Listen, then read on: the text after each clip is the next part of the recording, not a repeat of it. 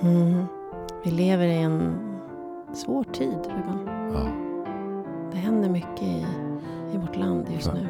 Ja, i, i världen. Mm, Ja, i I världen. världen. Alltså, jag, jag, jag upplever just nu... Eh, eh, jag känner mig ganska hårt utsatt Mm. av... ehm, ja, över världsläget. För att, utan att vara pretentiös på något sätt. Liksom. Mm. Därför att jag, upplever att det är så otroligt mycket ultravåld Mm. överallt. Vi har Mm. kriget i Ukraina, vi har upploppen som har varit i Sverige. Vi hade, som jag också pratat om, den här eh, Oscarsutdelningen när man eh, ut, Will Smith slår Mm. till en programledare under bästa sändningstid. Och, och att det finns någonting hela tiden här som, där, där vi rör oss kring eh, en bristande kommunikation Mm. som, som, eh, som resulterar i våld istället. Mm. Eh, jag känner mig rädd. Mm. Jag känner mig orolig Mm. för det här. Och jag eh, känner... Vad gör du då när du känner en sån rädsla som inte ändå är så att du kan direkt påverka den? Ja, alltså, jag menar ju på att jag kan påverka den. Alltså, det är mitt ansvar. Din Att- rädsla såklart, men du kan ju inte påverka det som har skapat din rädsla. Nej, inte i direkt mening kan jag inte gö- göra det. Men jag tänker att, att jag är en del av ett stort maskineri. En, en, den här enorma atomen liksom, som vi alla ingår. Och om jag kan eh, dels vara i kontakt med min rädsla. För att inte agera utifrån min rädsla. Eh, och därmed också upprepa dåliga mönster i form av våld. Eh, det, det är också så att jag är man. eh, Så jag är också upp, och en 50-årig man. Jag är liksom uppfostrad på ett visst sätt. Mm. Hur man reagerar när man blir rädd. Eh, och det vill jag inte längre. Eh, sen, sen lång tid tillbaka. Eh, jag, jag tror att eh, även om det är så att, att eh, mitt agerande inte har en absolut betydelse liksom, så har det betydelse. Därför annars vore tillvaron ganska förskräcklig tycker jag. Eh, jag tänker lite grann på din pappa faktiskt. Som brukar säga att vila i stegen. Mm. Eh, och när du berättade det för mig så eh, blev jag väldigt rörd. Alltså det var någonting som kommunicerade rakt in i mitt hjärta. Därför att det är någonting i att vila i sitt steg. Som Mm. är en slags antivåldshandling. Liksom. Mm. Men jag vill vila i, i, när jag går i tunnelbanan. Jag vill vila när jag går i trappan. Jag vill vila på gatan när jag möter Lisa, Kalle, Mohammed. eh, Vem det nu är, vem jag träffar. Liksom. Ehm, och det finns någonting idag där jag upplever att vi, vi gör inte det. Mm. Och den här skräcken som vi befinner oss i lite grann. Vi har plötsligt så, det som för oss som växte upp under 70 och 80-talet med atom eller kärnvapenkrig, det är aktuellt idag igen. Ehm, och allt vad det triggar igång av rädslor. Då, eh, vad heter din pappa förresten? Kjelle? Kjelle. Mm. Då tänker jag på Kjelles ord utan att jag faktiskt någonsin har träffat Kjelle. Nej. Men att vila i steget är för mig, det, det, det finns ju också en, eh, jag vet han, den vietnamesiska som dog nu alldeles Mm. nyss, eh, ah, Thach Nhat Chin heter han va? Som också var gåendets eh, meditationsmästare och så vidare. I Frankrike. Ja, Mm. eh, han flyttade väl dit Mm. från Vietnam. Eh, att det finns någonting i det som är, eh, det, det handlar, det, det är det är samma sak som vi ibland pratar om att samtalet är eh, en slags motståndsrörelse mot eh, tyranniet. Så är Mm. det att vila i steget är eh, att stilla allt det här, den här hetsen Mm. som befinner sig. Jag håller med. Så det, det, som, om det är någonting jag gör när jag nu blir, känner mig rädd Mm. inför tillvaron, det är att bli långsammare. Mm. Eh, och på det sättet så hinner jag med. Jag kan känna in lite bättre. Men jag är också väldigt sårbar. Mm. Jag känner att det som händer med mig när allt det här händer i vår omvärld det är att jag drar till med mina nära Mm. mycket närmare. Mina barn har flyttat hemifrån och så ringer de oftare. Jag vill att de ska komma Mm. hem oftare. Ringer mina vänner mer, min pappa mer. Att jag eh, de, blir, de är viktiga annars också, men de blir de blir närmare frontalloben. De är, Mm. de är mer närvarande Ja, i, i, för mig. Mm. Eh, det tror jag är ett sätt att hantera den här osäkerheten. Mm. Att trygga systemet runt omkring. Mm. Och jag märker också att jag liksom fysiskt längtar efter mina barn. Alltså ett behov av Mm. att fysiskt röra vid dem. Mm. Att ha dem nära. Mm. Det, och jag, ja, jag uppskattar ju alltid att ha mina barn nära. Men det, det, det har blivit mer Mm. de senaste, ja, men, de senaste månaderna. När allt det här Just det. läskiga händer. Ja. Mm. Vi reagerar nog väldigt olika. Sen kan jag reagera när om jag blir, om jag blir direkt utsatt. När det inte är när det är saker jag kan direkt påverka som är direkt riktat mot mig. Då blir jag nog mer distanserad, går upp i huvudet, rationell, Mm. logisk. Jag blir ganska skarp och jag vet precis vad jag ska göra. Jag, Mm. får- jag får både plan A, plan B, plan C direkt i skallen. Mm. Eh, men det här kan jag ju inte. Jag kan inte åka till Putin. Liksom. Nej. Det går inte. Och jag är inte polis. Jag kan inte åka ut och stoppa kravallerna. Det Nej. går inte. Nej. Så det är också... Det finns också någon slags acceptans i att jag kan göra det jag kan. Men jag kan inte göra särskilt mycket i det stora. Liksom. Men jag, jag tänker ändå så här. Eh, liksom det är min övertygelse faktiskt. Mm. Därför att jag tänker att om vi, om vi inte agerar på vår rädsla. Mm. Att, om, att vi inte, om vi inte låser oss i rädslan. Mm. Så har vi möjlighet att, att hela andra saker i tillvaron. Det tror jag också. Eh. Jag tror kärleken blir viktigare än någonsin. Ja. Kärlek, omtanke, omsorg. Det är liksom det vi måste svara med. Ja. Och att det, att, att det behöver inte vara så stora åthävor. Liksom, utan det är rätt små grejer som man kan göra för att det ska Mm. ha betydelse. Mm. Jag, jag nämnde för dig eh, förut att jag gick förbi ett gäng poliser. Mm. Och så spontant så bara stannade jag upp och så sa jag tack för att ni finns och, Mm. och eh, försvarar vår demokrati. Mm. Eh, och så gick jag vidare Mm. och kände mig lite lätt generad över mitt eh, Impulsiva. impulsiva. Men det var ärligt i alla fall. Eh, och de ropade efter tack. Mm. Det där betyder jättemycket. Mm. Och så gick jag där och kände mig lite lätt svettig på ryggen liksom över vad jag hade gjort. Eh, men kände ändå att det var... eh, Väldigt fint, Ruben. Ja, fast, säg inte så, nu blir jag alldeles generad. Ja, Eh, det nej, tycker men- jag. Nej. Jag, jag Jo. att, vi, att det är viktigt, de där grejerna är viktiga att göra. Liksom. Eh, och jag tänker just nu... Eh,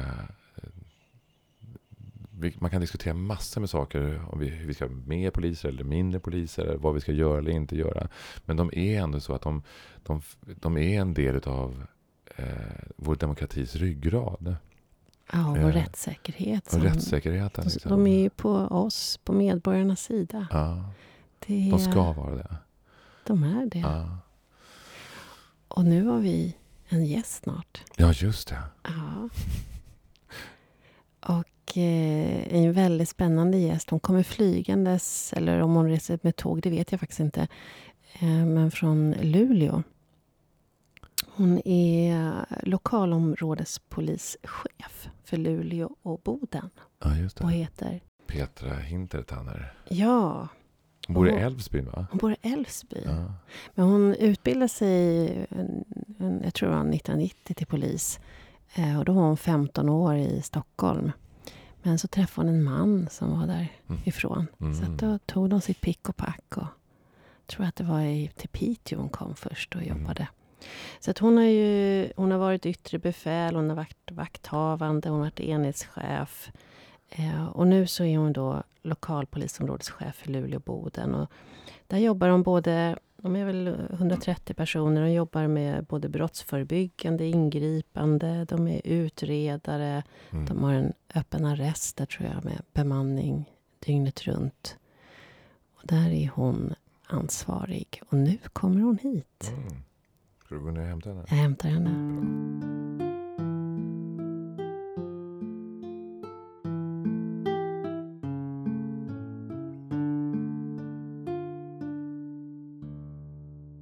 Välkommen till podd Mogna, Petra Hintertanner. Tackar. Väldigt roligt att ha det här. Och du kommer direkt från Arlanda. Ja, och flygbussen Ja. och resväskan in här. Ja, Ja. så Ja. det, Du känner det, du har hunnit landa lite? ja, absolut. Nu har jag landat två gånger, Ja. kan man säga. Mm. Mm, jag tänkte vi frågar, eh, vi går på rakt som vi brukar göra. Mm. Petra, har du mognat något den senaste tiden? Eh, ja, det tycker jag att jag har. Eh, och jag skulle väl säga kanske både mognat och mognat i min egen mognad. Mm. Det är som en, en ytterligare en dimension. En meta. Ja, lite grann. Eh, och det har väl att göra med att jag har blivit bättre på att reflektera över min egen mognad. Mm. Det är liksom inte bara någonting som kanske har skett och så har jag någonstans noterat att jag kanske mm, har, gör saker på ett annat sätt eller så. Utan nu reflekterar jag över det. För att på något vis medvetandegöra mig själv mer om min mognad. Alltså med fokus på själva mognaden. Hur kommer det sig att du plötsligt börjar metatänka kring din Ska jag mognad? vara ärlig? Det är sen jag träffade dig Mm. och lyssnade på dig eh, när du var på vår arbetsplats. Och eh, då började jag fundera på det där med mognad och tänkte men jag måste nog ägna det lite mer tanke. Eh, än att jag, för jag tycker att det är en reflekterande person. Mm. Eh, tjej, kvinna, så. Men eh, om jag dessutom kan fokusera på ett område Mm. så blir det jätteintressant. Mm. Så det har jag... det- Vad det är roligt, liksom nu blir jag ju... Ah, Det är strålande. ah, Eller hur? Ja. Eller hur? det Ja, är men jag har inte rörd. funderat på mognad har jag väl kanske tänkt tidigare. Det bara, det sker med åldern. Så blir man klokare, det är nog mognad. Mm. Så. Men eh, så det jag egentligen har landat i nu på sista, om vi säger då sista tiden. Mm. Det är väl just det här att eh, ja, men jag vet eh, vad jag är bra på. Jag vet vad jag kan. Mm. Eh, och är jättetrygg i det. Men jag är lika trygg i vad jag inte kan. Mm. Alltså de områdena som jag inte Mm. behärskar, som inte är Mm. mina styrkor. Eh, och det är helt okej. Mm. Du har hamnat i någon slags acceptans där, att det får vara så. Ja, Mm. Mm. och istället för att då fokusera på, eh, vilket många utav mina, om jag får säga, både kvinnliga medarbetare och kvinnliga, mina vänner eh, som är kvinnor, eh, fokuserar oftast på det man inte kan. Mm. Och får för sig att då måste man lära sig det. Mm. För man måste ju kunna allt. Mm. Och det är väl där någonstans jag känner att, nej men varför måste jag det? Mm. Då, det kommer jag ju inte fixa. Det, är ju, det tror jag inte någon mäktar med. Mm. Utan jag har ju börjat söka de här vägarna. Eh, att hitta det som kompletterar mig. Med det som jag inte kan. Mm. Och det finner du i, i dina kollegor? Ja, absolut. Det är bara att liksom, om jag är medveten om vad det är jag inte kan. Mm. Så ser jag ju runt omkring mig. Men den här, han eller hon kan ju det här. Mm. Ja men kom, så får vi liksom slå våra påsar ihop lite så.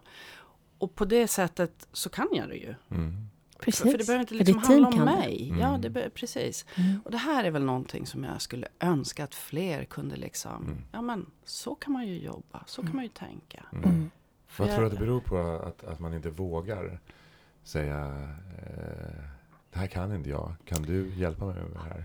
Ja, det är jätteintressant. Jag, jag vet faktiskt inte. Eh, någonstans så kanske det är ett samhällsproblem. Mm. Att, att vi tror att det förväntas av oss att vi ska kunna allting. Mm.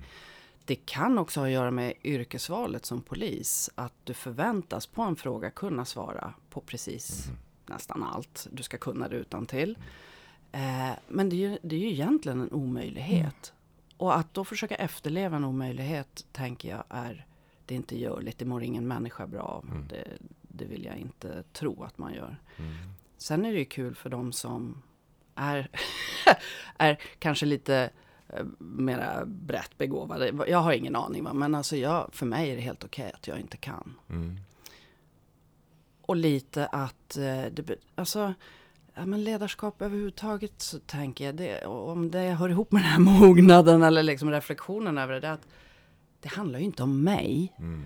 Eh, hallå, så, utan Petra Hintertaner, utan det handlar ju liksom om vad jag gör. Mm. Mm. Och om jag gör det tillsammans med någon annan och vi gör, eh, det är väl liksom det. Alltså det här e egot, fokuset på en själv, känner jag att ah, men det är inte så intressant. Mm. Mm. Det är faktiskt inte det, det är inte det som är viktigt Mm. på något vis. Det, det måste man ändå säga en mognad när man kan släppa sig själv. Ja, och det, att det andra, det större blir, blir det som är... Det primära, Ja, viktiga. och jag precis. själv Mm. är mer sekundär. Ja. I viss mån. Sen måste man ibland vara primär för sig själv. Men, men Absolut. Så det är olika saker. Tänker Det är jag. helt olika och, saker. eh, Just i, i ditt ledarskap. Jag tänker Mm. också. ehm, eh, finns det någonting läskigt, läskigt i att be om hjälp? Finns det någonting sårbart? Som också är en tillgång? Nej. alltså det är det här som är mitt problem. Nej. Nej men jag tycker inte att det är läskigt. Nej. Det är inte så mycket som är läskigt Nej. så. Nej. Och jag brukar tänka, men vad är det värsta som kan hända? Ja. Ja, men är det att någon ska ju då komma på mig? ja, Att nej men hon kan inte det här. Nej men det gör de inte för jag hinner redan gå ut med det innan. Ja, precis. att jag kan inte det här. Nej. Så jag, det är ingen som kan avslöja mig i alla Nej. fall på det området. Mm. Eh, så att nej. Det är ju fantastiskt. För jag tänker att ändå det, jag tror ändå det är det som är motståndet många gånger i att om jag lägger på bordet att det här behärskar jag inte eller det Mm. kan jag inte eller orkar inte eller vad det nu är för någonting. Att det också visar att jag inte är så bra Mm. enligt någon måttstock. Att jag kan få kritik, att Mm. jag kan få höra att jag inte räcker till och att det är förenat med ångest. Och, Mm.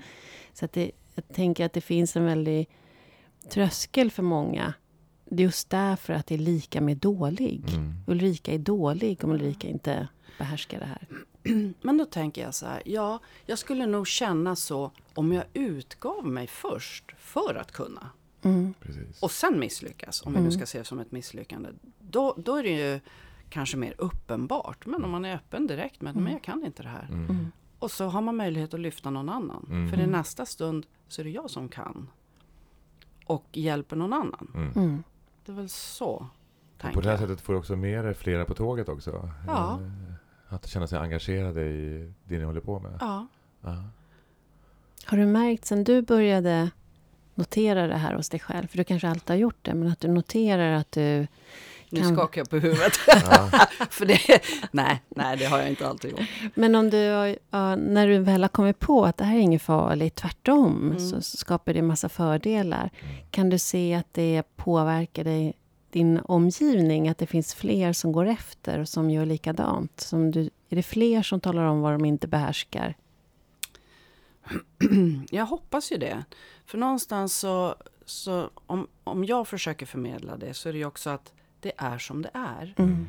För att om jag ska vara chef och ledare så vill jag ju också att mina medarbetare ska vara lika ärliga. Mm. Annars så går jag ju omkring och tror, eller i tron om någonting som inte är. Mm. Och i det värsta jag vet så är det det här med luftslott och liksom måla upp någonting som, nej men det är som det är. Mm. Och ja, då är det ju lättare, tycker jag, att Mm. jobba. Mm. Och man Finns- behöver inte kunna allting. Mm. Mm. Nej, ingen kan Nej, allting. nej, jag tänker så. Mm. Och man behöver inte lära sig allting heller. Mm. Det, det här med att vara polis. Mm. Vad, vad är det för någonting? Vad, har det alltid varit en dröm för dig att bli polis? Och vad, vad betyder det att vara samhällets väktare? Ehm, ja men,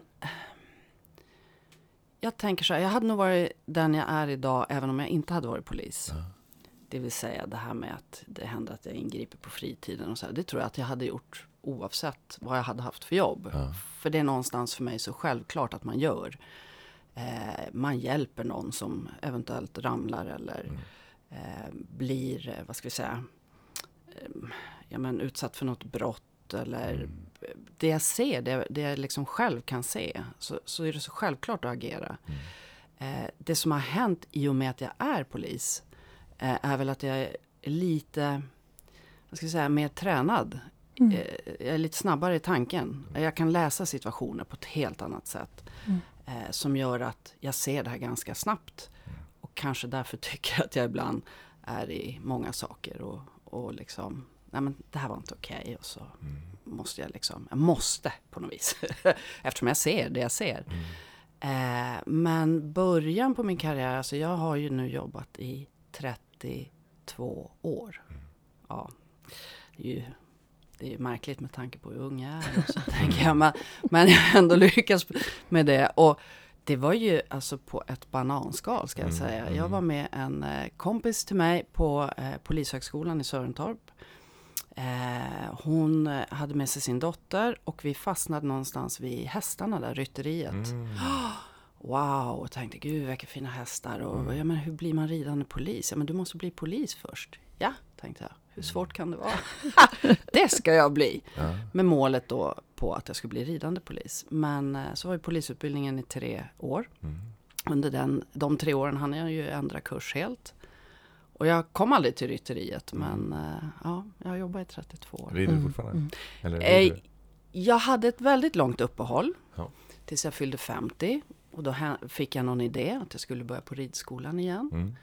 Eh, han med att vara där ett år och ställde upp i hopptävlingar och allt Mhm. möjligt galet. Ja, tills jag insåg hur farligt det var igen. Tänk om jag ramlar av. Jag Mm. kommer ju bryta lårbenet och Mm. allt sånt här och jag är gammal. Mm. Det kommer ta lång tid innan det läker.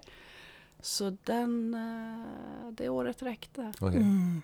Mm. Skulle jag göra nu så skulle jag bara göra för att det är kul någon gång. Sådär. Men, Det där är en trend i min omgivning. Kvinnor som börjar rida vid 50 Ja. och så vid 51 Ja. kommer de på att det här är livsfarligt. exakt. Mm. Ja. exakt. Det där är, Ja. det, det är någonting som pågår i vårt Ja. samhälle. Mm. I min Min spaning. ridlärare då, hon skrattade åt mig. För jag tror att redan efter någon månad så tänkte jag, kan jag anmäla mig till den här hopptävlingen? Och hon tänkte, men vad är det här för kvinna som har Mm. ramlat in på min ridskola? Eh, totalt orädd. Mm. Så jag vet inte, men efter det där året ändå så tänkte jag, nej, det här är ganska farligt. Mm. Mm. Men det här med orädd, jag får ju ett, väl, ett sånt intryck av dig, Petra. Eh, Det här med att du först är i Stockholm, i polis, Mm. i 15 år. Sen flyttar du till Norrbotten och Älvsbyn. Mm. Det är väldigt annorlunda, tänker jag, mot Ja. Stockholm.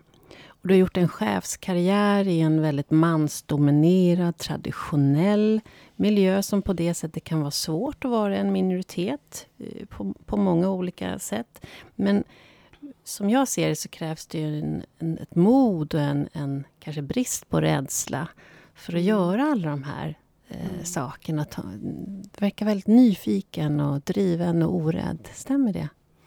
Ja, men det gör det nog. Um, och det där med orädd, alltså ibland så är det ju alltså, inte nyttigt att vara så här orädd eh, för mitt eget bästa. Men, eh, och, men det är ändå, och det är väl det som gör också att det, det är liksom inte så, alltså det, det är inte så jätteallvarligt och jag provar och mm.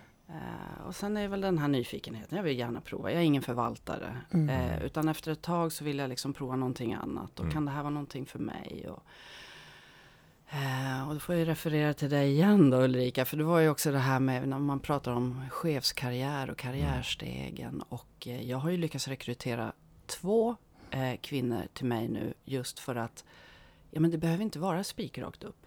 Utan ibland kan man ju faktiskt göra någonting och sen kan man ta ett kliv tillbaka, reflektera. Vad har jag Mm. gjort? Och det beskrev Ulrika som den här klätterställningen. Mm. Ja, och det tar lite längre tid. Mm. Men alltså man hinner ju landa mellan alla de här delarna. Och då hinner man ju välja lite spår och Mm. det blir oftast mer rätt Mm. på något sätt. Och man får också med sig helt olika perspektiv till skillnad mot när man går och gör den här traditionella stuprätt. Ja. Som gör att Mm. man blir kanske lite klokare också. Mm. Mm. Tid till reflektion. Ja. Att steppa tillbaka lite grann och fundera lite grann över livets gång. Exakt. Ja. Men vad är din drivkraft? ja, förutom att jag tycker att uppdraget, Mm. alltså vårt uppdrag inom polisen är väldigt viktigt. Mm. Det, det är en drivkraft. Eh, sen är det ju, har väl kanske då apropå att mogna till en början eh, varit just det här att det är för få kvinnor. Mm. Eh, det har drivit mig Mm. eh, till att idag mer kunna liksom tänka att eh, fokuset återigen är inte på, då var det på mig själv. Mm. Eh, och att, eh, ja men om ingen annan kliver på här som, som tjej, som yttre befäl eller vakthavare. Nu gäller det ju att vara med här och eh, söka och det är klart jag kan. Och mm, till att idag nog vara mer fokuserad på att identifiera de kommande cheferna Mm. eh, bland mina kvinnliga medarbetare och få dem att våga. Så. Vad, vad är det du tänker som är viktigt att det kommer in flera kvinnliga befäl eller eh, chefer Mm. inom poliskåren? Ja, men jag tänker det här med, med liksom jämställdheten. Mm. Eh, prata om bryta normer.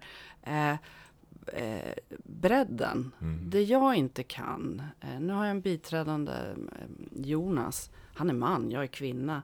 Alltså återigen, att vi kan liksom bredda vårat ledarskap Mm. till att få in alla. Ett, menar, ett bredare perspektiv. Mm. Och det går inte om det är en övervikt av män. Det går inte heller om det är en övervikt av kvinnor.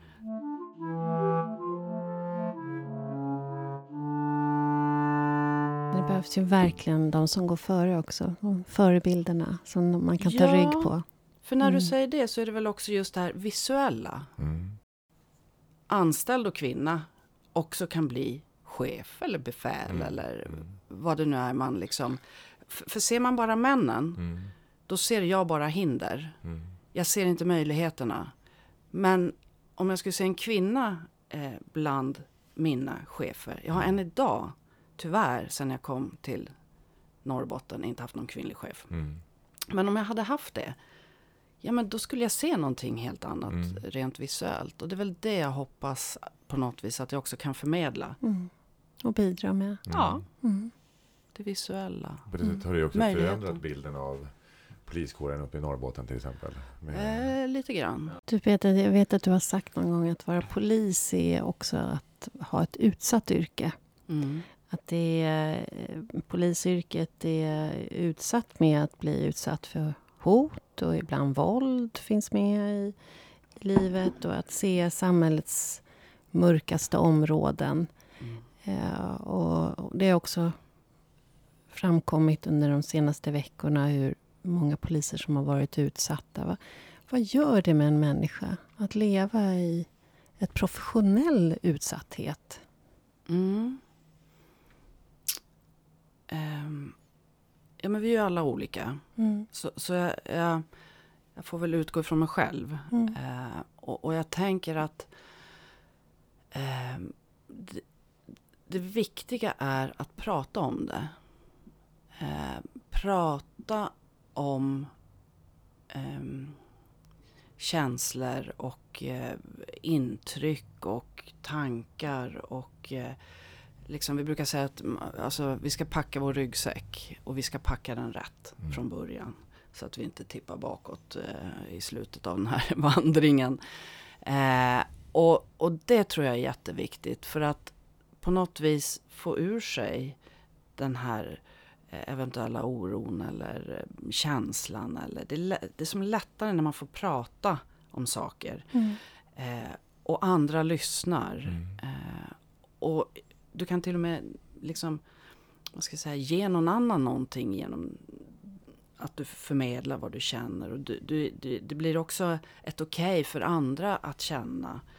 Eh, och det blir som, slarvigt uttryckt, men någon form av terapeutisk liksom. eh, Vi pratar jättemycket och sitter man då till exempel i en radiobil som vi kallar för då, en polisbil, Mm. kanske i åtta timmar. Mm. Ja, men man hinner prata en hel Mm. del. Eh, och, och det är väl en del av att kunna lite grann få ur sig, Mm. ta till sig, dela med sig. Eh, och jag brukar säga att det är bättre att ni gör det på, här, på jobbet, Mm. än att ni tar med det hem. Mm. Eh, för det, det är inte alltid så uppskattat och det är inte alltid lätt att prata om det. Ehm, och sen, sen är det ju så, jag har ju arbetsmiljöansvar för våra medarbetare Mm. ute. Eh, och vi försöker ju jobba med att liksom träna och förebygga på alla sätt vi kan. Men, men eh, det gäller också att vara, ha en mental förberedelse på. Det får inte komma som en chock. Fast det gjorde kanske det då eh, i helgen som var. Eh, för någonstans är det sådär, vi vill ju ingen ont. Mm. Och då är det ju märkligt om man får känslan att någon gör allt för att skada mig. Mm. På grund av mitt jobb. Mm. Mm.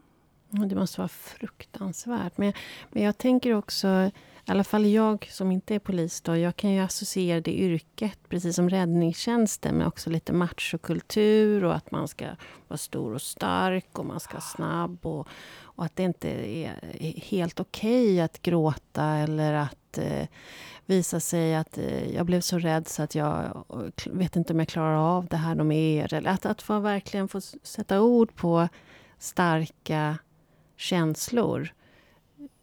Hur, hur, skapar man förutsättningar för det i en sån miljö? Mm. Men förutom att vi försöker prata mycket med varann. Mm. Eh, och återigen så, eh, ja, men jag har ju gråtit. Eh, kanske av andra anledningar, men ibland så är det liksom en dålig dag, bägaren rinner över och det är inte kul. Och så att bara visa att det inte, det är samma där, det är inte heller Mm. hela världen. Men vi har ju utbildat eh, personal hos oss som eh, krisstödshandledare. Mm. Eh, så att, eh, ja, så att, som har, har och är jätteduktiga på att hålla samtal. Och det blir i en mindre grupp. Eh, det blir oftast i den gruppen som har varit med om just den här specifika händelsen. Mm. Då är det kanske mer okej. Mm. För alla känner igen sig i situationen. Mm. Än att det sitter någon i rummet som, nej men alltså. För den kanske inte kan relatera till känslorna som, som finns. Mm. Eh, och efter det egentligen, när vi har haft sådana samtal, så tar vi liksom ytterligare ett, ett steg om vi noterar att det fortfarande är jobbigt för någon Mm. eh, som behöver ytterligare. Och då tar vi ju, om vi säger professionell hjälp. Mm. Mm. Eh, så. Är det lättare att visa känslor när jag av förklarliga skäl, jag har varit utsatt för, eh, någon, för hot eller våld eh, på en plats, än att jag känner mig kränkt eh, ja, internt eller att jag känner mig orättvist behandlad och att det är det som gör att jag blir ledsen och sårad? Är det... Men hur har det Mm. varit för dig? Nej, men jag, jag tror att det första exemplet, alltså om man har varit med om en situation, då är det ju oftast i den gruppen som man pratar och då, då är det ju lättare, alltså fast man är fler. I den andra situationen, om man har det jobbigt och... Eh, ja, men, alltså förlåt att jag skrattar, men jag vet, jag, kan, jag har ju varit med om en sak när jag själv mådde väldigt dåligt. Eh, och jag kände mig liksom lite orättvist behandlad och sådär. Då gick jag ju in till min dåvarande chef. Mm. Var liksom lite arg. Mm. Alltså allvarligt. Mm. Jag mår inte bra. Det här är inget kul. Mm. nu, så. Eh, och är man då två stycken så är det ju lättare kanske att lätta på trycket. Och, och, och det är väl så jag upplever att medarbetare gör med oss också. Att man kommer och så är man bara kanske två i det samtalet. Och då kan man lätta mer. Mm. Det är ingenting man gör i, i stor grupp. Mm. Så. Likt att jag tycker att det är lika viktigt att vara uppmärksam och notera om någon behövs ibland bara kanske en handpåläggning och så kommer det. Ja men då går man undan. Det är ingenting man gör liksom Mm. offentligt så utan eh, för det är ju, ja men alltså vi har ju småbarnsföräldrar och det är mycket och det Mm. saker i livet som händer och, och sådär. Och det kanske man inte vill eh, outa. Det beror på vart i processen man är så att Mm. säga. Men ja, men det, det måste ju vara okej, Mm. tänker jag. Mm. Men vad svårt det kan vara. Ja, Hur är det att gråta på teatern? Är det? Vi får för att gråta. Det ingår. Ja. Eh, jag, jag tänker också så här att, att eh, det, det, det känns helt rätt. Det är som en, som en öppen väg. Och då tänker jag också, du nämnde det här som har hänt nu i helgen och så Mm. vidare. Och en, eh, det är, för mig som inte är polis så är det en Mm. sorg Mm. att, vi, att eh, jag lever i ett land med medborgare som inte känner, eh, känner någonting för vårt samhälle. Mm. Eh, det finns, problematiken är ju stor och mångfacetterad och många parametrar och det, det är jättekomplicerat. Mm.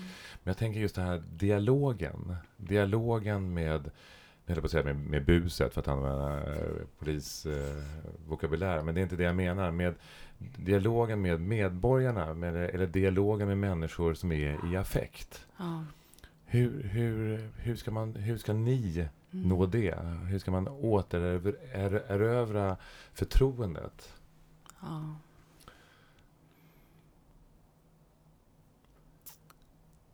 Nu tänkte jag svara, behöver vi det?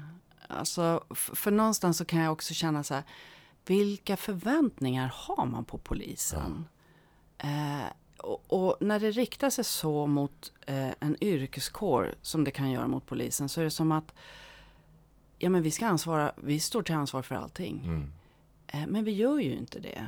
Utan vi har en del i det här. Mm. Men, men ibland så känns det som att man har såna enorma förväntningar på oss. Mm. Allt från att vi ska uppfostra barn, vi ska vara i skola, vi ska vara på förskolor, vi ska eh, förebygga brott, vi ska ingripa mot brott. Vi ska, och vissa saker är våran uppgift. Mm. Absolut inte frågan om det.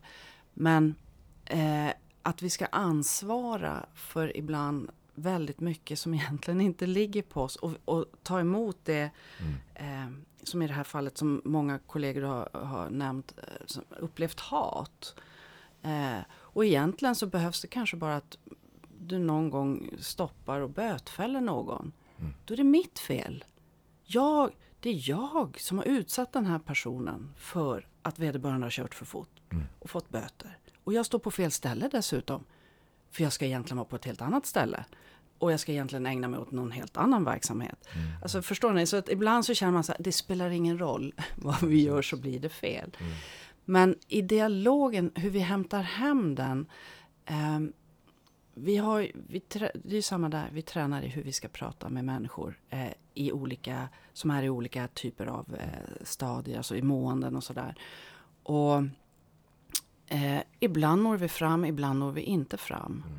Och ibland så är det som att här kommer vi aldrig komma fram. Mm. För att man är, inte, man, man är inte mottaglig. Och då är det som att, ja, då får vi försöka jobba utifrån det så gott vi kan. Mm. Eh, men, men vi kommer inte att ge upp. Eh, vi, vi kommer att fortsätta ha dialog med lokalsamhällen. Eh, det är liksom, det måste vi. Det är vi Mm. tillsammans. Mm. Men, men ja, nu kanske jag får iväg lite grann. Men alltså jag tänker att det är vi, samhället är vi tillsammans. Mm. Eh, det är inte bara polisen. Eh, eller det är inte bara någon. Eh, och det är framförallt inte någon annan. Mm. Då tänker jag, man får ju börja med sig själv. Vad kan Mm. jag göra för att det här ska fungera? Jag tycker du beskriver det så fint. Och sen, jag tänker det här, den här känslan av otillräcklighet som Mm. måste bli nästan i en hel kår i- ibland utifrån det du beskriver. Att, att kraven och förväntningarna är så enorma. Och sen tänker jag på i mitt arbete som jobbar väldigt mycket med kvinnor på ledande positioner och, och att stärka det och så. Jag får ju ofta höra, och just känslan av otillräcklighet, att man ska vara så jädra duktig. Man ska vara så skicklig och kunnig och kompetent för att, för att räknas och så.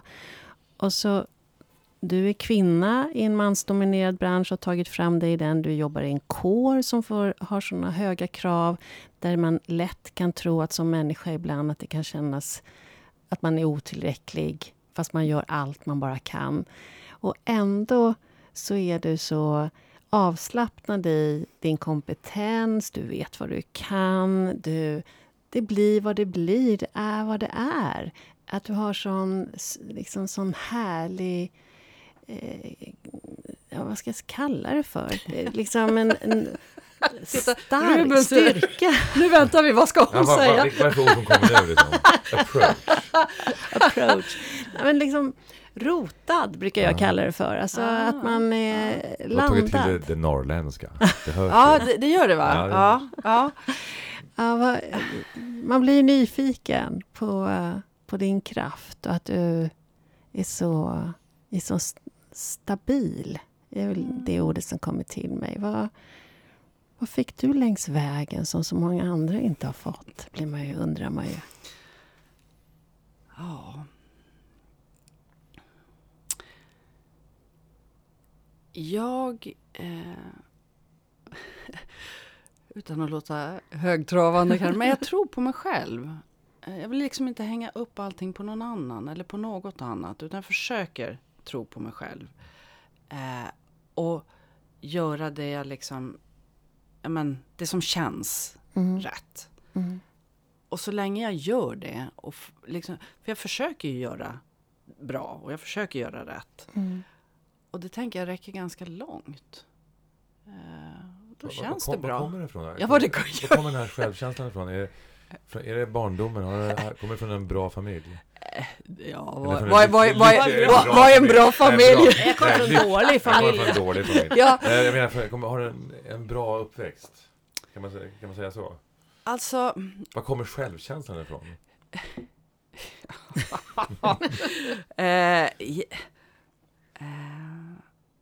ja, men om den kommer ifrån, eh, för, för nu vet jag inte vad, vad, riktigt vad jag ska liksom väga in i bra familj. Men, men det är klart att jag upplever att jag har en, en bra familj eller kommer från en bra familj eller hur jag ska uttrycka mig. Eh, men mina föräldrar skilde sig ju när jag var väldigt liten. Mm. Så att nu, nu bara eh, känner jag Mm. eh, utifrån frågan. Eh, så har jag ju växt upp med en ens, ensamstående mamma Mm. eh, och om man får säga en ensamstående pappa. Eh, så det har inte funnits så mycket liksom tvåsamhet. Mm. Eh, vilket kanske gör att jag... Eh, ja, men, man, man får liksom utgå från sig själv. Vi hjälper varandra. Och så, om inte jag gör det, det finns ingen annan. Mm. Den här annan har som inte alltid... Eh, och samtidigt så kanske jag har fått medskick av mina föräldrar att du kan. Mm. Mm. Det är, hur svårt kan det vara? Mm. Lite så, framförallt Mm. min pappa. Mm. För honom är ingenting svårt. Du måste tro på dig själv. Mm. Om du gör det, då kommer andra att göra det. Mm. Och så kommer det att gå bra. Och går det inte bra, ja, då går det åt fanders. Och då kommer du lära något av det också. Mm. Så att det är som inte så Eh, allvarligt. Det där tycker jag att alla papper som lyssnar, nu, det där ska de, det där ska de ta till sig. Ja. Alltså det, det ser man i studier också. Framgångsrik, Nej, men just framgångsrika kvinnor Ja. nämner ofta att de har haft en pappa som har trott på dem. Ah. Det att det finns såna, eh, det finns sån statistik. Ja. Att upplevelsen är att man har en pappa som stod bakom och sa att du fixar det här. Inga problem. Mm. Att det finns någonting i det. Mm. Mm. Det är häftigt. För annars vet jag inte riktigt var det kommer ifrån. Men det, det är väl liksom det närmaste jag kan tänka. Sen Mm. har ju jag dåliga dagar. Ja, alltså när jag inte känner mig Det stavas särskilt. människa. jag tänker Nej, jag ber om det. ursäkt. Jag. Jag tänker det. Jag tänker det. Ja. Du, jag läste någonstans eh, en intervju med dig när du Mm. var ute och reste med din familj. Eh, med din man och dina barn och ni skulle iväg någonstans. Och så var du på besök i en butik. Och så får du syn på en väsktjuv. Mm. Och du med högklackat och på väg åt ett helt annat håll börjar jaga efter den här. Ja. Det är nästan som man kan säga stackars väsktjuven. Ja, faktiskt. faktiskt. Det var väldigt då, dåligt, eh, för det första eh, dåligt gjort av honom. eh, Och så väldigt dåligt tillfälle. Nej men det är väl det jag försöker säga just det här, att det hade jag nog gjort oavsett. Mm. Men eftersom jag tycker... Kom du ikapp honom? Ja, ja, ja, ja. Ja, och- ja. ja, ja, vad trodde du? ja, precis. Eh, jo, men alltså jag har väl just det här, trä, alltså det, det är som att jag noterar, alltså jag säger saker hela tiden Mm. som är mönster som inte, vad ska jag säga, avvikande saker Mm. noterar jag ju direkt. Mm. Och det är klart, eh, all, vem springer igenom en affär? Det är ingen som gör det. Om man inte är livrädd för någonting eller om man håller på att missa en buss. Eh, men då har man inte någon som skriker efter en. Eh, så att jag, var nog, jag sprang nog redan innan jag hörde exakt vad hon ropade att han hade stulit ifrån henne. Så Mm. var jag redan på språng. Eh, och det som jag var mest imponerad över, det var de här, som man säger i Norrbotten då, klackeskor. Ja. Jag har aldrig sprungit i klackeskor. Nej. Jag visste inte ens att jag kunde det. Men jäklar vad fort det gick. Det gick. det gick alldeles Ja. utmärkt. Eh, så jag satte ju fart efter honom då och, och kom väl ikapp honom ganska bra och skrek ju själv genom gallerian där Mm. och fick ju syn på en uh, väktare lite längre fram. Och han hörde ju Eh, säkert både klackeskorna och mig Mm. skrikandes. Så vi tog han från varsitt håll. Mhm. Eh, och hon fick tillbaka sin väska. Det som var synd var att han kastade hennes telefon i, i marken innan, eh, innan vi lyckades få ner honom. Eh, I ren frustration säkert, för han var arg som ett bi. Och eh, ja. Mm. Eh, Eller rädd kanske. Han petrar klackeskor ja, efter sig. Ja, precis. Vad är det för galen kvinna som kommer springande här? Eh, nej men och, och där är väl, det där är väl ibland inte så bra när man har familjen med sig. Mm. Eh, I det här fallet så var det bra för att då hade mina två söner och min man gått eh, till hotellet. Mm. Eh, men de började ringa och undra vart jag hade tagit vägen. Och eh, Mm. de var inte ett dugg förvånade. Jaha, okej, ja, okej. Är allt bra? Jo, det är bra. Men Mm. så. Eh, Men du är alltid jo, men jag är, lite beredd. Ja, men det är jag. Absolut. Mm. Eh, och för mig är det inte ett alternativ att iaktta någonting och inte göra något. Mm. Mm. Det, det för mig, det, det förstår inte jag riktigt så. Mm. Eh, och det här har ju hänt flera gånger. Eh, eh, och jag tänker, både för och nackdelar för mina barn, det är ju att jag vet att min äldre son eh, har tagit upp jakten på en telefontjuv eh, tillsammans med pappa då. Då var jag fullständigt, då satte jag med ryggen Han är också mot... polis. Han var. Mhm. Mm. Eh, och han lämnade bordet i all hast och Mm. försvann. Och eh, Theo då, som är min äldsta son, eh, han noterade det här också. Så han la benen på ryggen och de bara sprang. Kvar satt jag och Hannes och eh, funderade på vad hände här. Mhm. Och till slut var det så här, nej men de kommer inte tillbaka. Så då var jag tvungen att säga, vet du, kan du passa våra grejer? Vänta på maten. Jag måste sticka. Mhm. Jaha, nu igen, säger han. Ja, men gör det. Så att, ja, det funkar så. Mm. Ja, vi- det funkar så i min familj också. Jag, jag har också en tendens så, fast jag kan inte slåss. Och jag kan inte, har aldrig slagit så kan inte. Men jag har hamnat i några slagsmål just på grund av att jag har gått emellan. Ja. Och det har mina barn också eh, fått vara med om. Vilket gör att de gör ju samma sak också. Så att några gånger så har jag insett att det där var för mamma Mm. hjärtat då Mm. var inte bra. Vet, någon gång hemma hos oss, vi bor i lägenhet eh, mitt i stan, så hade min äldst, yngsta son hört att det var inbrott i, i trappen klockan tre på natten. Det är inte så att han ringer någonstans eller så, Nej. utan nej, går han ut. Och så ser han till att bär ut de här tjuvarna ut ur porten. Och sen hade jag ett långt samtal på morgonen om att du är inte Stålmannen. Så, så, det, så måste man tänka. Ja.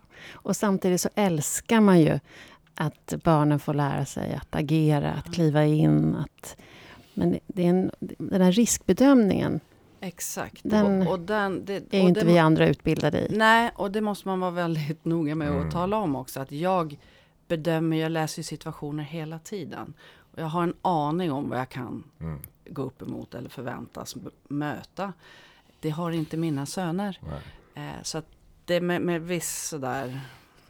Jag, jag är absolut för att man ska vara engagerad i samhället. Mm. Och framförallt om far, människor far illa Mm. på gatan eller i tunnelbanan eller på bussen. Man ska engagera sig på olika sätt. Men till mina barn Ja, så säger jag så här. Om någon snor din mobiltelefon, ja, låt dem sno den. ja, Spring inte efter.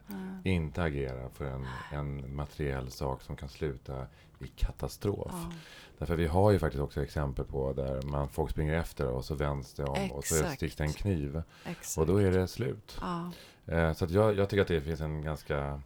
Jag rekommenderar inte mina Nej. barn att agera på det sättet. Däremot kan man skrika, exakt. man, kan, så- larma, man Exakt. kan ringa, man kan göra massor med andra saker.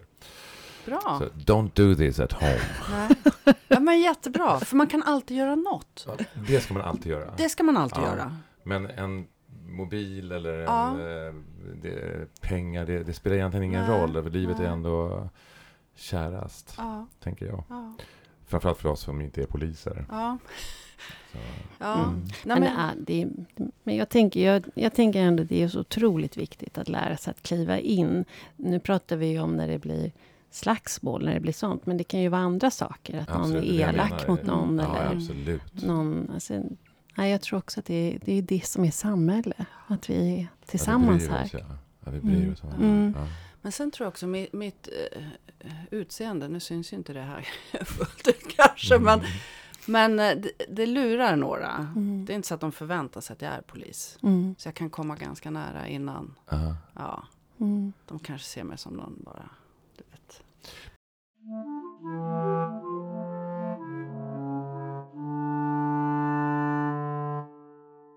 Har vi för lite poliser? Jag vore ju dum om jag svarade eh, nej på den. Ja. Eh, ja, det skulle jag säga. Med tanke på de förväntningarna man har på oss. Mm. Eh, så så eh, är det så. Eh, absolut. Och jag skulle, men jag vill också vara jättetydlig med att, vilket jag verkligen uppskattar hos våran högsta chef, våran rikspolischef Anders Thornberg, som är tydlig med att eh, det är valår. Eh, man kan inte heller bara säga att jo, men vi ska satsa på polisen. Mm. Eh, man brukar ju säga det att eh, en, en länk är inte starkare än den, eh, vad säger man, en kedja är inte starkare än den svagaste länken. Eh, man kan vända på det där och säga också att ja, men den är ju inte heller så hållbar om det är en länk som är jätte, jättestark. Mm. Utan man måste liksom satsa på alla i den kedjan. Eh, för det, det, det är återigen, det är ganska missvisande om man säger kan jag tycka att jo, men vi ska satsa på polisen. Jo, men eh, kommuner, socialtjänst som vi samverkar mycket med. Vad händer innan det här förebyggande arbetet? Mm. Sen kommer vi in. Eh, eh, Åklagarmyndigheten. Eh, det är inte polisen som eh, anhåller och häktar. Eh, domstolarna. Du kanske blir dömd till fängelse. Då har vi kriminalvården. Så man kan inte liksom satsa krutet på i mitten av den här kedjan. Utan du måste som liksom satsa på alla delar. Mm. Mm. Mm. Det är många, det är många som ska mogna här. Det är många Ja. delar i samhället som ska Ja, och det är jätteviktigt. och hjälpas Ja. åt och Ja. samarbeta, Ja. se varandra. För, Mm. för jag tror tyvärr att det är så att när det är sånt fokus på polisen Mm. och på Polismyndigheten och satsa på polisen. Det är då också man skapar förväntningarna Mm. på Mm. att om ni blir fler, Mm. då kommer alltså brotten att upphöra. Alltså förstår ni? Mm. Det, det, det är kanske lite för höga förväntningar, utan vi är så många. Mm. Det är vi tillsammans som måste lösa det här. Precis. Det är samma sak som man ropar på eh, strängare straff eh, Ja. när det gäller vissa saker. Det kan man ju diskutera i och för sig. Mm. Men man vet ju till exempel att i USA har det ju inte funkat med att man har dömts till 150 år Nej. som, som skräck Mm. för att begå brott. Utan begå, brotten begås i alla fall. Mm. Så det är ju andra parametrar. Exakt. Som det är, så att fördela den här eh, hur man satsar på Mm. Eh, samhället. Mm. eh, Helt Mm. enkelt. Ja. Mm. Mm. Vi ska börja runda av. Mm. Mm.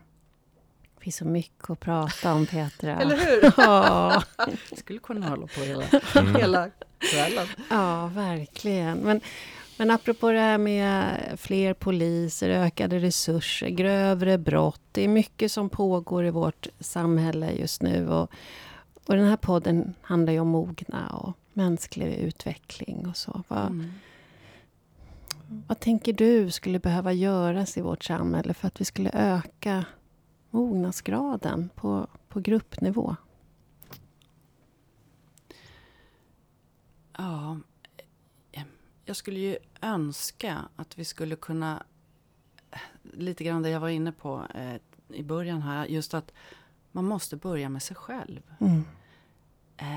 Inte tro att det är någon annan som ska lösa det här. Eller att det är någon annans ansvar. Det handlar inte bara om rättigheter. Vi har ett ansvar, vi har skyldigheter också. Mm. Att få en balans i det här och tänka att vad kan jag göra? Eh, för det är inte säkert att det är någon annan som ska göra det åt mig. Eh, utan vad kan jag göra, vad kan jag bidra med? I vilket samhälle, vilken typ av samhälle vill jag leva i? Mm. Och vad, vad tar jag för ansvar för att vi ska liksom uppnå det? Vad är mitt bidrag? Ja, exakt. Mm. Att fler ställer sig den frågan. Mm. Eller att vi kanske pratar om det tillsammans. Mm. Mm. För det är så lätt att peka på någon annan Mm. och komma undan själv. Mm. Det är inte att ta ansvar, Nej, tycker jag. det är att abdikera. Mm. Tack så hemskt mycket Petra för att du kom till poddmogna. Tack Petra. Tack själva. Tack.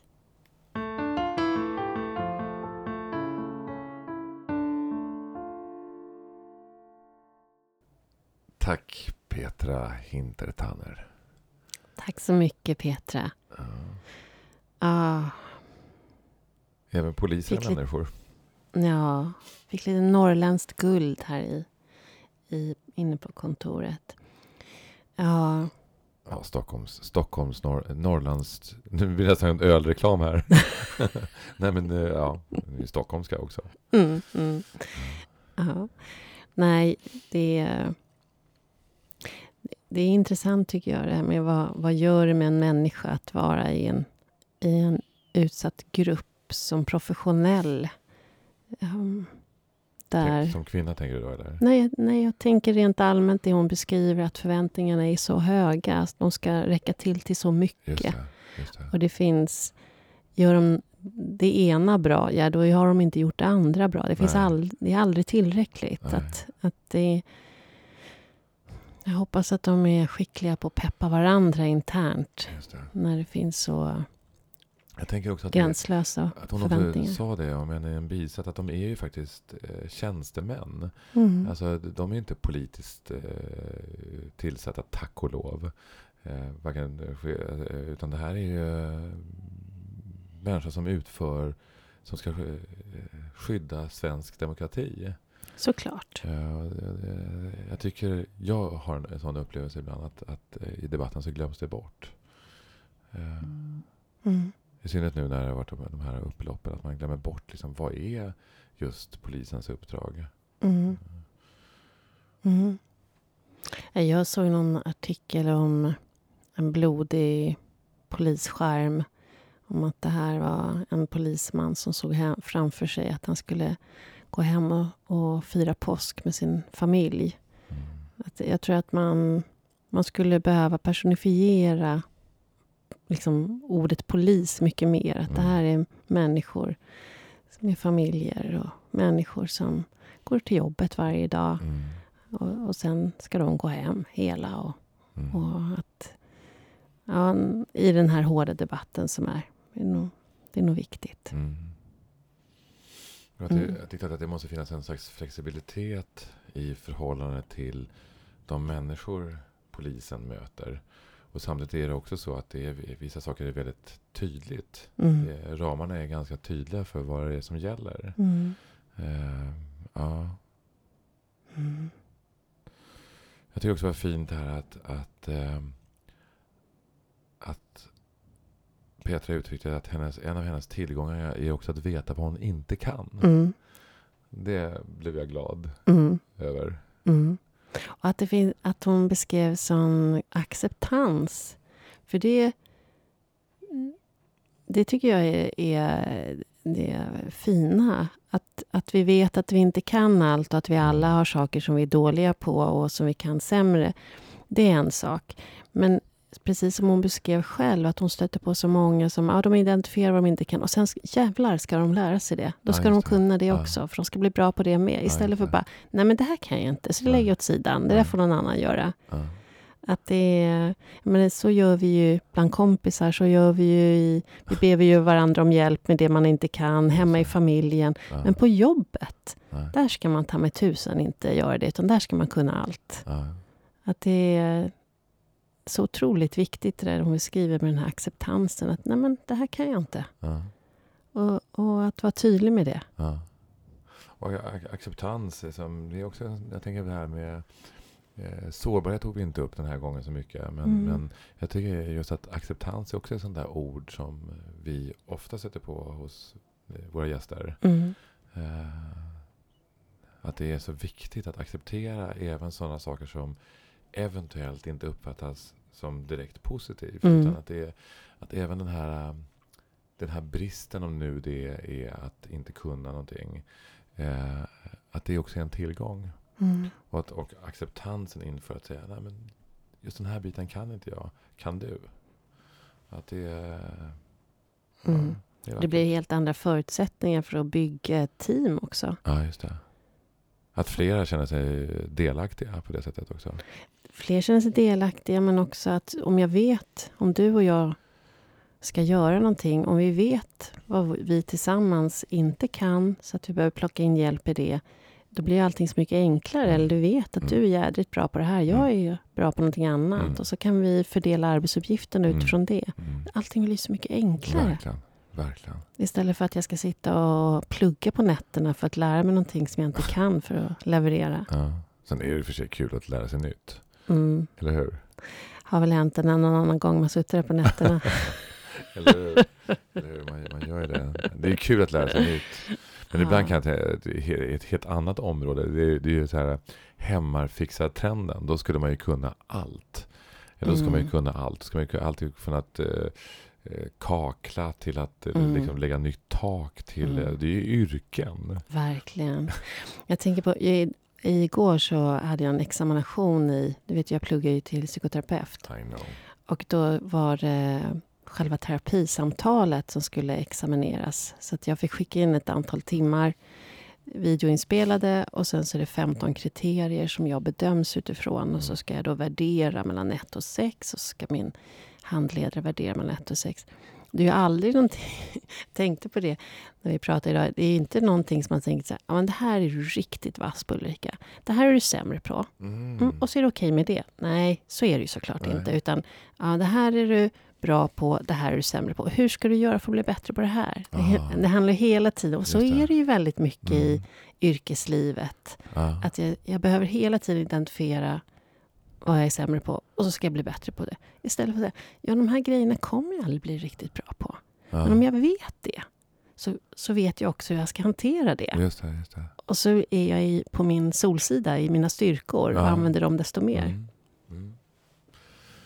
Och sen är det ju vissa situationer där, där, där vi bör vara den som kan bäst. Om man har ett ans- en ansvarsposition till exempel. Mm. Så bör man ju kunna lösa vissa saker utifrån situationen. Mm. Mm. Men du som konstnär, som skådespelare, hur, hur, hur tänker man där? För det måste ju vara saker, om, om, om, om vi pratar om dig då, det måste ju vara saker som du vet, det här är riktigt vass, det här, kan du, Mm. det här gör du verkligen bra. Mm. Och det där, det får du kämpa mer med Mm. för att göra det där. I, I den branschen då, i, som Mm. konstnär, är det också så att ja, men det där är jag inte riktigt bra på, så att det där, Nej, det undviker jag. inte. Mm. Så det fungerar definitivt inte. Och det, jag, jag tror att det är få som skulle säga emot mig. Jag tror att... Eh, eh, alltså det, det, det, det är... Jag tror att vi är många... Alltså här hand, det handlar ju... Det handlar ju om att man vill kommunicera någonting. Mm. Eh, och det vill man kommunicera så att, att folk förstår vad jag håller på med. Mm. Och när det inte sker, eh, eller där jag känner massor med saker men publiken inte upplever det, Mm. så är det ju ett slags misslyckande. Um, sen finns det ju andra saker inom konsten där det behöver inte vara så att, det att alla ska tycka att det här är fantastiskt. Man Mm. behöver inte hålla på med eh, masskultur liksom, för Mm. att man ska tycka att någonting är viktigt eller bra. Utan det kan ju faktiskt vara så att man har en föreställning för 50 personer och de 50 personerna så kanske det är 40 som tyckte det var fantastiskt. Så Mm. det är gott, kan vara gott nog. Liksom. Mm. Eller att man håller på med vissa saker inom eh, konst. Eh, alla former av konst. Som just handlar om att, att eh, det finns någonting i konsten i sig som är också är tillfredsställande. Som också har ett, ett, eg, ett egenvärde. Mm. Eh, eh, men vi har ju hamnat väldigt mycket generellt i vårt samhälle. Att vi bedömer allting hela tiden Mm. som du beskriver även i din examination, att, att allting ska recenseras på ett eller annat sätt. Och eh, att vissa människor tror att man visar sin kunskap genom att man bedömer andra, eller bedömer ett agerande på ett visst sätt, liksom, Mm. som bra eller dåligt. Och Mm. det är ju det är rätt slitsamt tyckte jag. Mm. jag tycka. Det blir väldigt svart Mm. eller vitt. Ja. Sen är det, tänker jag också att det handlar om det här med att inte kunna saker. Det är ju den här balansen mellan självkänsla och eh, självförtroende. Eh, jag upplever ju att många inom konstvärlden kan ha ett okej självförtroende. Mm. Vi vågar upp, och- gå upp på scen och, och sådana saker. Men självkänslan kan vara ganska stukad. Mm. Eh, så det, det är liksom olika, olika saker att förhålla sig till. Mm. Verkligen. Mm. Och då kan det ju vara desto svårare att erkänna för sig själv någonting man är rätt kass på. Mm. Mm. Mm. För att det kopplas till ens värde. Just det, Mm. precis. Mm. Ja. Får man mogna. Då får man mogna. Ja. Får lägga det i olika sorters, olika sorters vågskålar. Mm. Det, det är inte bara två. Nej, verkligen inte. Nej. Verkligen inte. Och jag kan tycka att ibland är det rätt skönt att vara rätt kass på saker. Alltså, Och så bara kunna avslappna sig. Det där kommer jag aldrig... Jag är jättedålig på språk till exempel. Ja, men jag kan inte lära mig tyska. nej. Så nej. Och så kommer det bra vara. Och så Ja. får jag bara, så är det. Jag är bra på annat. Det första jag tänker då när jag hör det, det är så här att är inte det att du har matat dig då med att, att du är dålig på språk men att du kanske faktiskt finns en möjlighet för dig att... Ja, men det är Hitta- väldigt skönt tycker jag. Bara Ja, kunna ja visst. vila i det. Ja, Ja, det får vara så. ja, Som Petra säger.